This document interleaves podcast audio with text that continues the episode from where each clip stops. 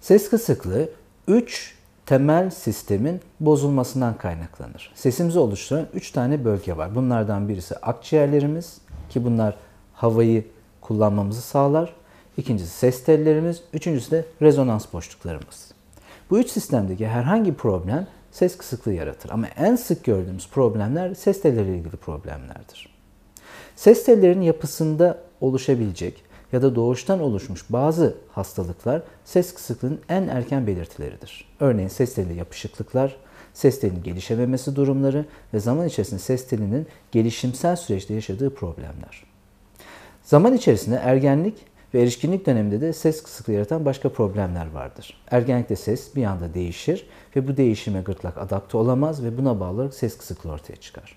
Zaman ilerledikçe, yaş ilerledikçe yaşa bağlı başka problemler ortaya çıkmaya başlar. Bunlardan birisi geç yaşlanma ya da ya, ya, ileri yaşta gördüğümüz andropoz ve menopoz gibi durumlardır.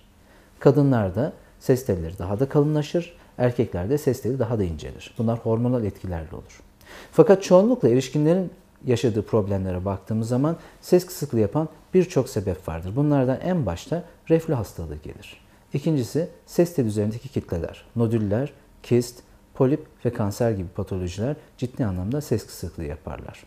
Bunların yanında yanlış ses kullanımı da ses kısıklığının en temel sebeplerinden biridir ki en sık rastladığımız problem de budur.